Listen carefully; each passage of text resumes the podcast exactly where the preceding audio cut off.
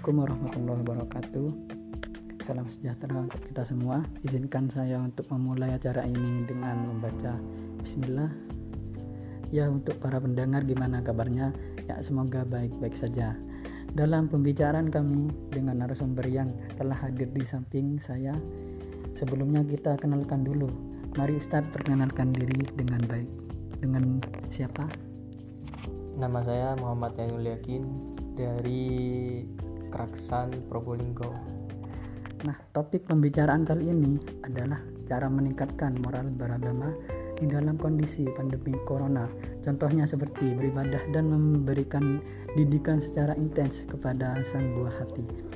Dalam dalam situasi seperti ini, kegiatan atau aktivitas dibatasi oleh kondisi corona atau disebut di rumah saja kan semua aktivitas dilakukan di dalam rumah contohnya beribadah, belajar, bekerja. Kita akan menggali informasi yang sangat penting untuk dibahas yaitu tentunya terhadap agama. Karena pada dasarnya moral yang baik dapat diperoleh dari ibadah yang tekun lah dalam situasi saat ini aktivitas anak dilakukan di rumah. Hal tersebut memudahkan orang tua untuk mengontrol ibadah dan moral sang buah hati langsung saja kita tanyakan kepada narasumber kita bagaimana cara orang untuk mendidik anak supaya dapat giat dalam melakukan ibadah enggak Ustaz dalam ajaran Islam sudah dituliskan beberapa cara mudah untuk mendidik akhlak anak sehingga berbakti kepada Allah Subhanahu wa taala. Di sini kita ya dalam mendidik anak itu kita harus perbanyak iman terlebih dahulu. Jadi kita harus membiasakan anak tersebut dalam perbuatan baik. Nah, ini hal penting yang harus ditanamkan kepada anak sebelum mengajarinya tentang Al-Qur'an dan Al-Hadis supaya tertancap bahwa Allah adalah penguasa alam, penguasa alam.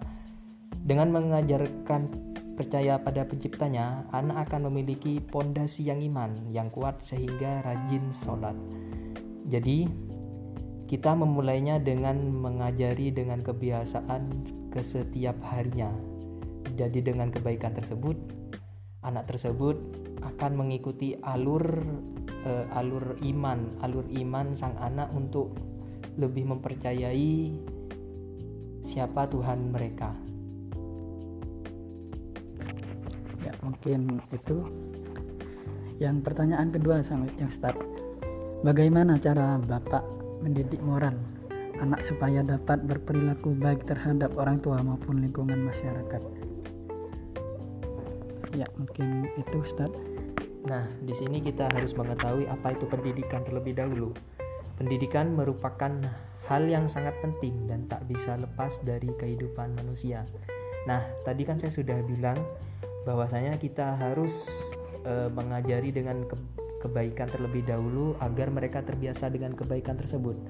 Dan dengan kebaikan tersebut, anak tersebut akan mengikuti alur sebuah ya, sebuah kehidupan yang di mana mereka akan mengetahui tentang cara hmm, bermoral, bermoral yang baik, kehidupan yang baik, mengawali hidupnya dengan baik. Ya, mungkin itu Ustaz ya. Nah, gini pertanyaan yang ketiga mengenai kesterilan masjid. Ya, gini kan banyak masjid masjid-masjid yang disterilkan dan sholat Jumatnya itu diliburkan. Gimana pendapat Ustadz mengenai hal ini? Ya, mungkin itu. Nah, ya, menanggapi hal tersebut, Ketua MUI sudah apa ya? Sudah melakukan pelarangan bagi seluruh umat muslim di Indonesia untuk tidak melakukan sholat Jumat di masjid. Tapi itu bukan untuk larangan ke semuanya, bagi tapi itu larangan bagi yang di daerahnya yang sudah memiliki atau yang sudah terpapar banyak positif COVID-19 Larangan tersebut hanya diususkan bagi orang yang tengah sakit, terutama yang sakit dengan gejala mirip penyakit corona. Jadi meskipun tidak sakit, dalam hal ini orang tersebut harus menggunakan masker dalam melakukan ibadah di masjid. Bukan dilarang untuk sholat di masjid, bukan. tapi dilarang untuk apa ya untuk beribadah dalam berkerumunan banyak gitu boleh ber, bo, boleh boleh sholat di masjid asal mengikuti kese, uh, anjuran kesehatan dari pemerintah. Seperti kita ketahui musibah itu datangnya dari Allah tapi kita diwajibkan tetap berikhtiar. Dan untuk masyarakat dan untuk masyarakat di sini tetap tenang jangan panik.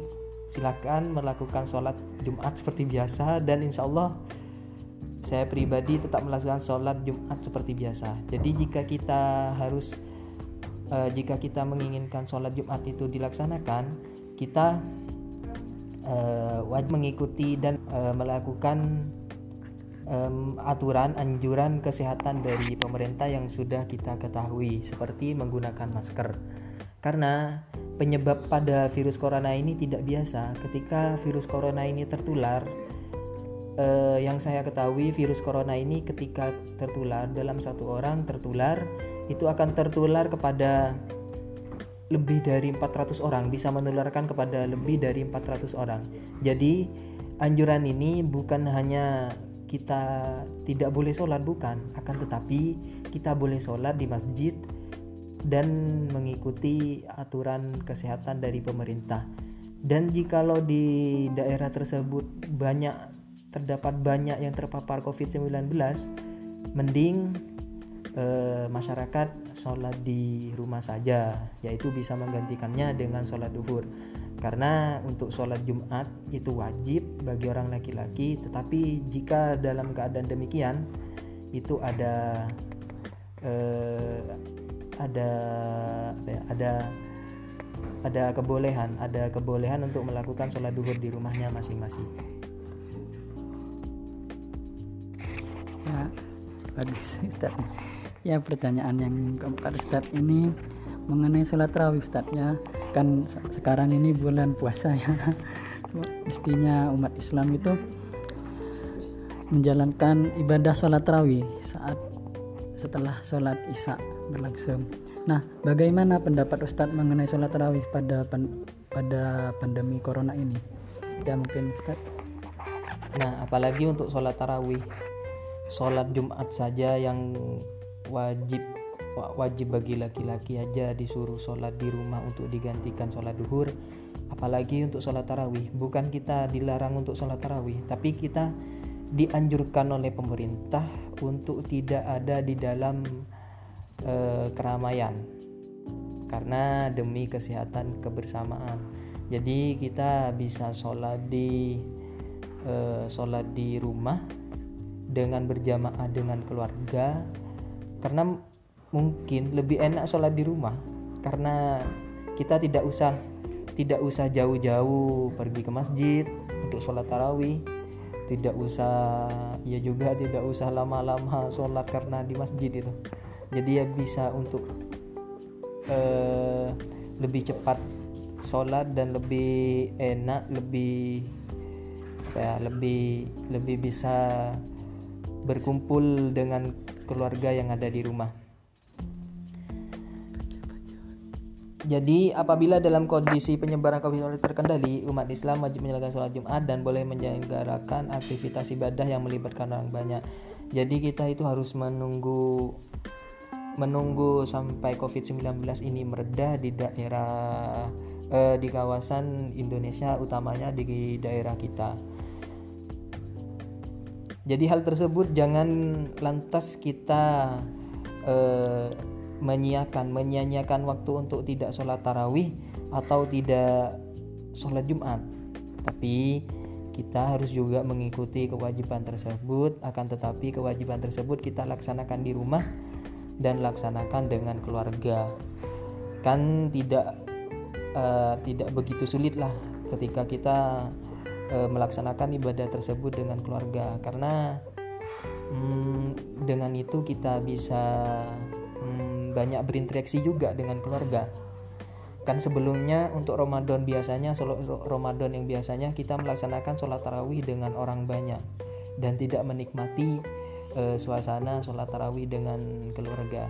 Jadi mungkin di kali ini kita bisa mengambil hikmah dari uh, dari musibah ini bukan hanya dampak negatif yang kita terima tapi dampak positif juga yang kita bisa pelajari dan hikmahnya bisa lebih lama dan bertahan dengan uh, me, me, menyi, uh, dengan dengan keluarga untuk bersama-sama melaksanakan ibadah di rumah dan lebih dekat lagi menyambung silaturahmi dengan satu keluarga. Ya, Ustaz. maaf ya. Terima kasih dengan waktu ini Ustaz ya. Sekian dari saya sendiri, saya dan Barisa. Ya mohon maaf jika ada tutur kata yang salah. Ya maaf maaf ya. Wassalamualaikum warahmatullahi wabarakatuh.